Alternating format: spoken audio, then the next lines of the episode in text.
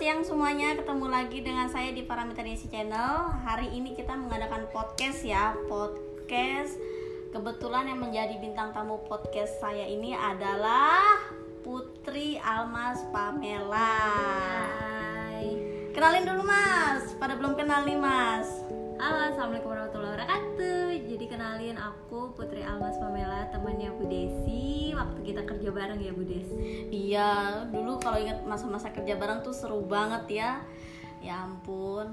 Oh iya Mas, kita kan udah lama nih nggak ketemu gitu kan. Hmm. Terus tiba-tiba ketemu saat kamu tuh udah lahiran.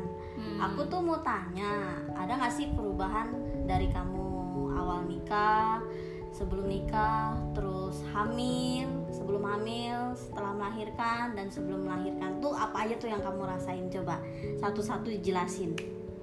Nah, jadi sebenarnya dari awal aku kan istilahnya kan menikah muda di usia 20 tahun. Hmm. Uh, nah, itu tuh banyak banget yang namanya rintangan, terus banyak banget suka dukanya, banyak banget keluh kesahnya, banyak senangnya, banyak sedihnya ya semuanya udah campur aduk lah. Cuman setelah dilewatin bersama-sama, uh, ya masih suka apa ya istilahnya masih suka main-main lah, masih melenceng sana, melenceng sini gitu kan. Cuman habis itu setahun se- kemudian alhamdulillah dikasih momongan nah terus ya alhamdulillah awalnya ya nggak suka nggak. Gak sukanya tuh kenapa tuh Almas? ya kan mungkin pikirannya kan. Kita kan masih muda. Masa tiba-tiba hamil tekdo ngurus anak. Aduh ya nggak mungkin ya. Possible. Seorang almas ya biasanya pulang malam keluyuran gitu-gitu lah. Ya jadi guys, kalau kalian mau tahu seorang Putri Almas Pamela ini orangnya tuh yang saya kenal di tempat kerja dulu tuh dia orangnya cuek, super cuek. Terus dia nggak pernah kelihatan sedih sedikit pun ya. Tapi kita kan nggak tahu ya, mungkin dia menyembunyikan kesedihannya. biasanya sih gitu Oh, tuh bener tuh kayak gitu kan. Menyembunyikan kesedihannya tanpa orang lain itu tahu dan memang dia tidak mau orang lain tuh tahu seperti itu. Dan yang saya lihat sih perubahannya dulu yang dia super super cuek orangnya semenjak dia ngelahirin itu itu berubah total. Iya. Yang tadinya nggak pernah beberes rumah, nggak pernah Ya mau masak, sekarang tuh dia mau beberes, dia mau sekarang mau mau ngelakuin apa pun untuk kesenangan anaknya gitu. jiwa keibuannya udah Ah, mulai meronta-ronta ya kayaknya Rontak-rontak kayak habis ngamuk. ya langsung jiwa ibu-ibunya keluar ronta-ronta Terus saat kamu lahiran itu eh, saat-saat kamu mau melahirkan itu kamu ngerasainnya apa? Ngerasainnya? ya eh, pas lahiran sebelum lahiran sih ya pertamanya pokoknya kayaknya Hmm. Ada rasa takut nggak? Ih lahiran tuh kayak iya gimana sih? pikirannya takut ntar kalau gue ngelahirin ngeden langsung mati gimana kan nggak mungkin ya, Ya, tapi Iya, bisa sama- mungkin sama sih, juga, sama kan. juga, gue juga kayak gitu. kan terus habis itu ya udahlah mikir emang mikirnya kan kayak gitu cuman ternyata pas ngelewatin pas sudah lahirnya ternyata nggak nggak semenakutkan itu. Hmm. terus sebenarnya sih lu se- eh, dua hari atau tiga hari sebelum lahiran itu kok nggak lahiran-lahiran ya udah pikirannya ke mana-mana tahu. Terus nonton-nonton di YouTube eh, ngikutin grup-grup di Facebook yang ibu-ibu hamil tips-tipsnya. Terus akhirnya ngikutin salah satunya itu ngepel jongkok. Hmm. itu Itu itu itu eh, berhasiat banget nggak tuh? Ternyata benar walaupun cuman sekali itu cuman aku sekali kalinya ngepel jongkok yang biasanya ngepel itu seminggu sekali di rumah ya Allah. Nah itu ternyata benar-benar ngaruh. Kemudian itu hari Seninnya. Hari Senin eh hari Senin apa Selasa aku lupa terus habis itu hari Rabunya ternyata kontraksi palsu udah mules-mules Hmm. terus kelihatan perutnya turun Oh. habis itu ternyata naik lagi ya begitu Oh. dah cuman cuman eh, belum belum merasa kontraksi beneran terus habis itu ternyata eh, hari Kamisnya dari jam 7 pak eh pokoknya dari subuh itu udah mules-mules cuman ya masih biasa aja orangnya kan gue kan cuek bebek kayak ya Hmm. gimana lah walaupun sakit masih bisa ditahan-tahan Gila loh dia masih bisa nahan sakit loh. itu gue nahannya itu sekitar 12 jam kayaknya itu pokoknya Gila. dari jam 7 sampai setengah 6 maghrib itu bener-bener ngerasain itu pun dibawa jalan-jalan ke rumah sakit karena mau cek katanya disuruh sesar itu udah dua rumah sakit dilewatin ah, udah cek darah cek jantung segala macam nah tapi dari dari segi kamunya kamu lebih yakin kalau kamu tuh mau sesar atau mau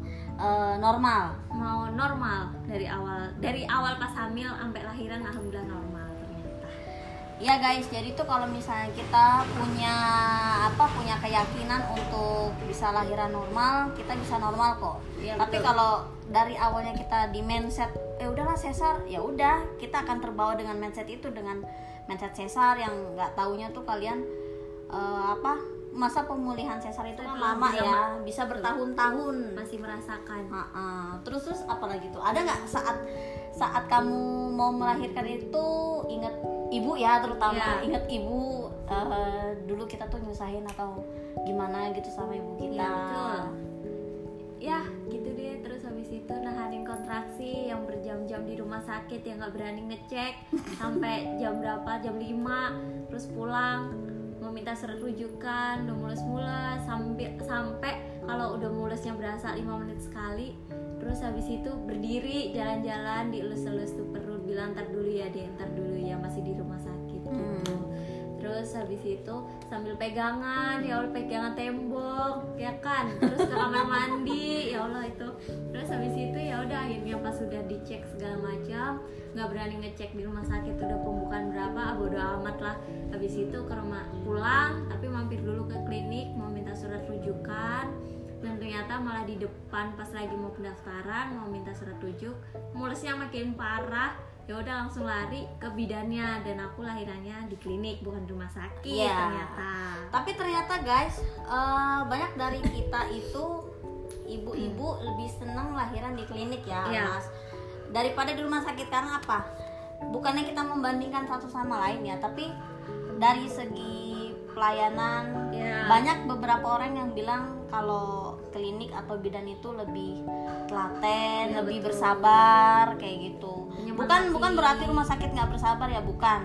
Tapi kan eh, ya kita kan nggak tahu ya cara pelayanan orang-orang tuh kan beda-beda gitu. Memang pada bilang banyak sih lebih baik dia melahirkan di klinik Mm-mm. daripada di rumah sakit. Mungkin karena biaya juga. Iya ya, terus ya mungkin ada yang pengen lahirannya cuman biar nggak gengsi, jadi harus Hmm. inian harus di rumah sakit ya kan? Aduh, Ini lahirannya di rumah gengsi. sakit mana gitu Hello. ya kan? Ya, kalau aku mah yang penting lahiran di mana aja, yang penting Ya. anaknya sehat, selamat dan sempurna. Terus saat dia saat kamu eh, mendengarkan suara tangisan anak tuh gimana, Mas? Apakah dalam hati oke, gue tenangin pikiran dulu, mulai sekarang gue udah jadi ibu, gue harus berubah atau Itu belum. butuh waktu? belum itu belum kayaknya pokoknya itu pas lahiran tapi ya langsung sih ngerasain yang na- namanya bener-bener ngerasain keluarlah seorang anak dalam perut sendiri. Ngedennya inget udah inget ke mana tahu udah pikirannya udah baca-baca takutnya kenapa-napa takutnya ya ya Allah kan ya kita kan Allah alam nggak ada yang tahu kan habis lahiran gimana. Terus habis itu pas sudah terakhir sekali terakhir yang ngejar langsung keluar dan itu rasanya plong banget udah kayak apa tahu yang keluar. Ternyata suara anak bayi nangis. Nah itu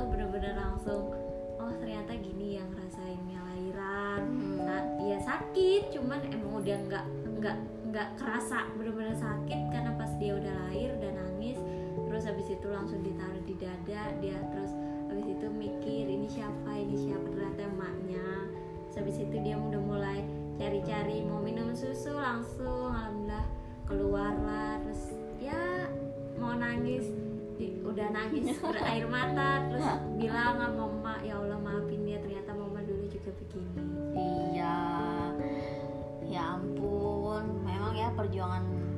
melahirkan itu antara hidup dan mati. Ternyata kamu juga mikir kayak gitu juga ya, Mas? iya betul Oh, saya juga mikir kayak gitu gitu loh. Maksudnya sebelum saya lahiran juga saya bilang sama suami kan, nanti kalau misalnya saya ngelahirin terus meninggal, tolong kamu jangan nikah lagi. Sampai kayak gitu loh gue. Beneran. Oh. Beneran gue sampai kayak gitu. Gue sampai kayak gitu karena ya beda lah kasih sayang orang tua kandung dengan yang tiri itu beda. Mau sebaik apa pun tetap aja rasanya beda. Kayak gitu. Terus kamu mulai berapa berapa bulan kemudian tuh mulai menjadikan mem- bukan menjadikan maksudnya eh, bekerja sebagai kayak layaknya bener-bener ibu rumah tangga.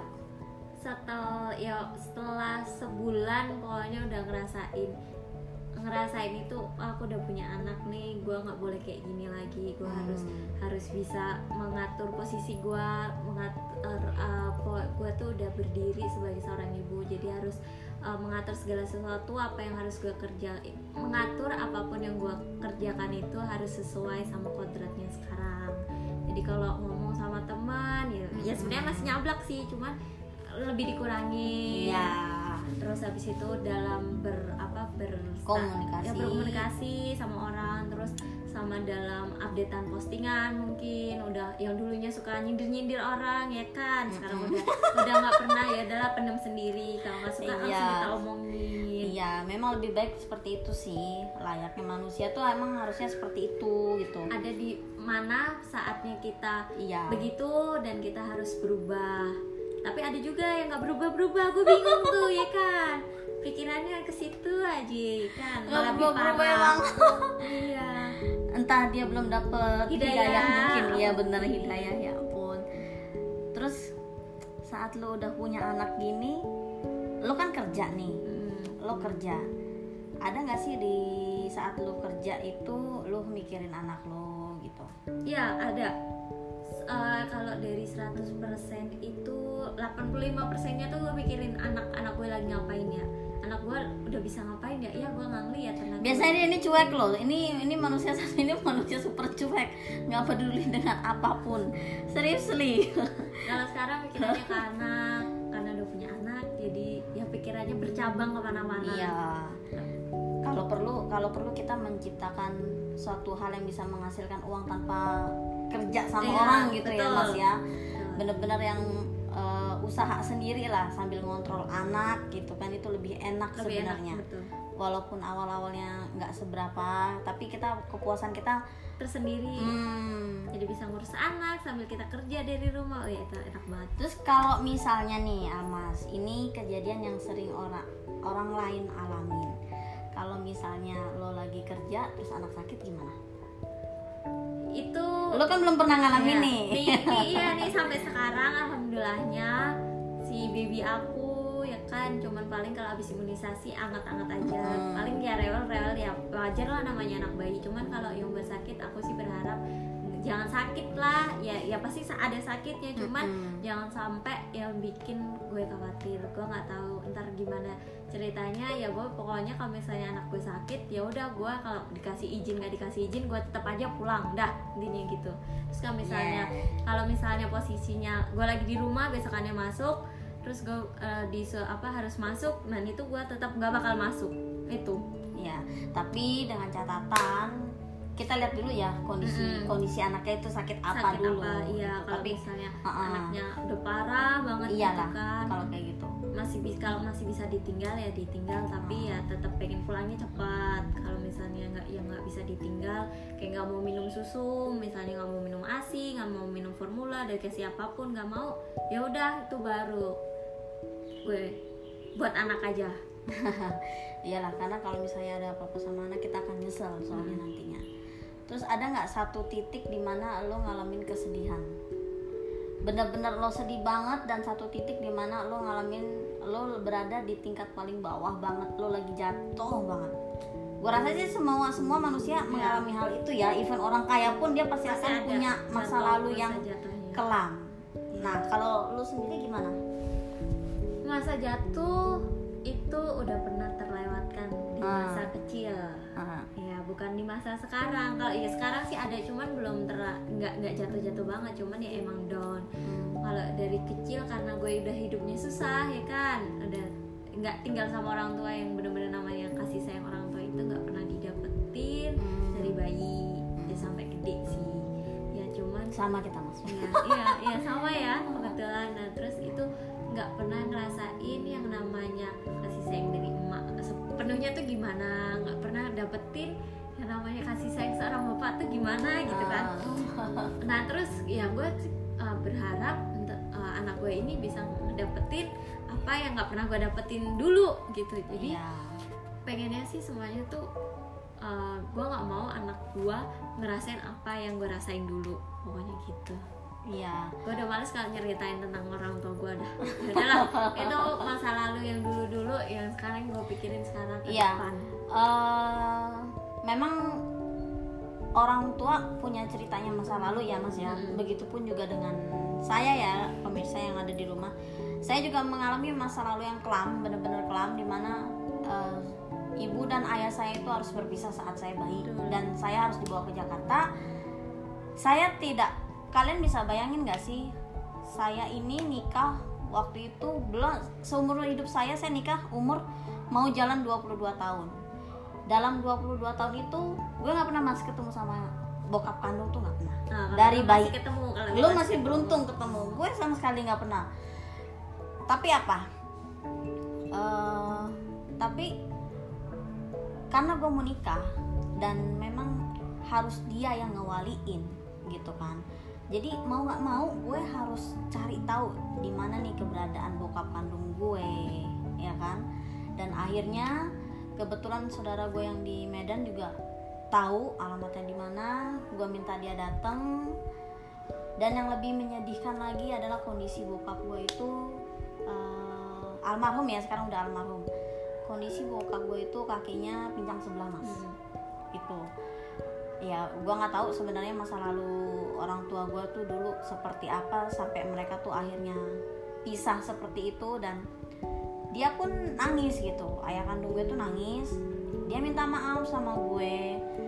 Dia bilang makasih ya udah mau diundang ke sini udah udah mau udah masih mau menganggap ayah ini ayah kamu. Apalagi sampai minta ayah datang sini untuk ngewaliin kamu padahal ayah nggak pernah ngurusin kamu dari bayi. Dan yang lebih sedihnya lagi adalah itu pertemuan pertama dan terakhir kalinya gue dengan ayah kandung gue. Karena setelah itu dia udah mulai sakit-sakitan. Beberapa tahun kemudian dia akhirnya meninggal dan gue nggak ada di sampingnya dia. Itu sih yang memang benar-benar di titik terendah masa lalu orang tua yang kalau bisa dibilang kita berusaha untuk untuk tidak mengulanginya lagi ya demi masa depan anak gitu ya kalau misalnya pertengkaran rumah tangga mah pasti ada lah nggak mungkin nggak ada pasti ada Iya, pasti ada nggak mungkin nggak ada. Tapi di mana tergantung dari istrinya ya. enggak Ah, tergantung semua dari isi istrinya. Dia mau berpikiran dewasa dengan cara menerima dengan keadaan dan bersabar, Mm. atau dia mau eh, marah-marah. kaget ya? Iya. Aduh aduh aduh aduh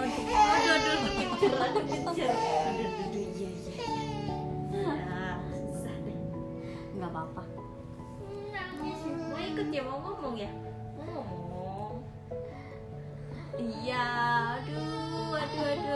sedih dia. Sedih ya? Oh, sedih. Yang sedih kamu ya? Oh iya.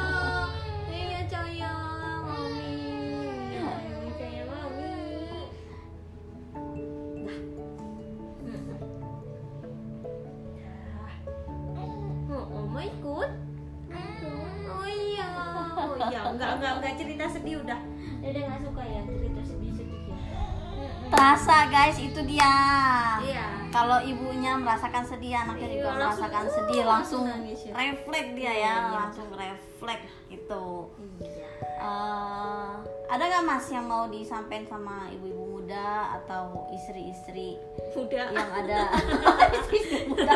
Beda ya istri muda. Bukan is- bukan istri muda istri simpanan ya bukan guys bukan. Istri muda itu maksudnya tuh iya umurnya ibu masih muda. Iya ibu mohon muda. maaf. istri muda terkira simpanan ya iya ada nggak tuh mas yang mau disampaikan? Ya buat semua ibu-ibu muda termasuk ib- eh, istri yang dibilang muda tapi bukan istri simpanan maksudnya.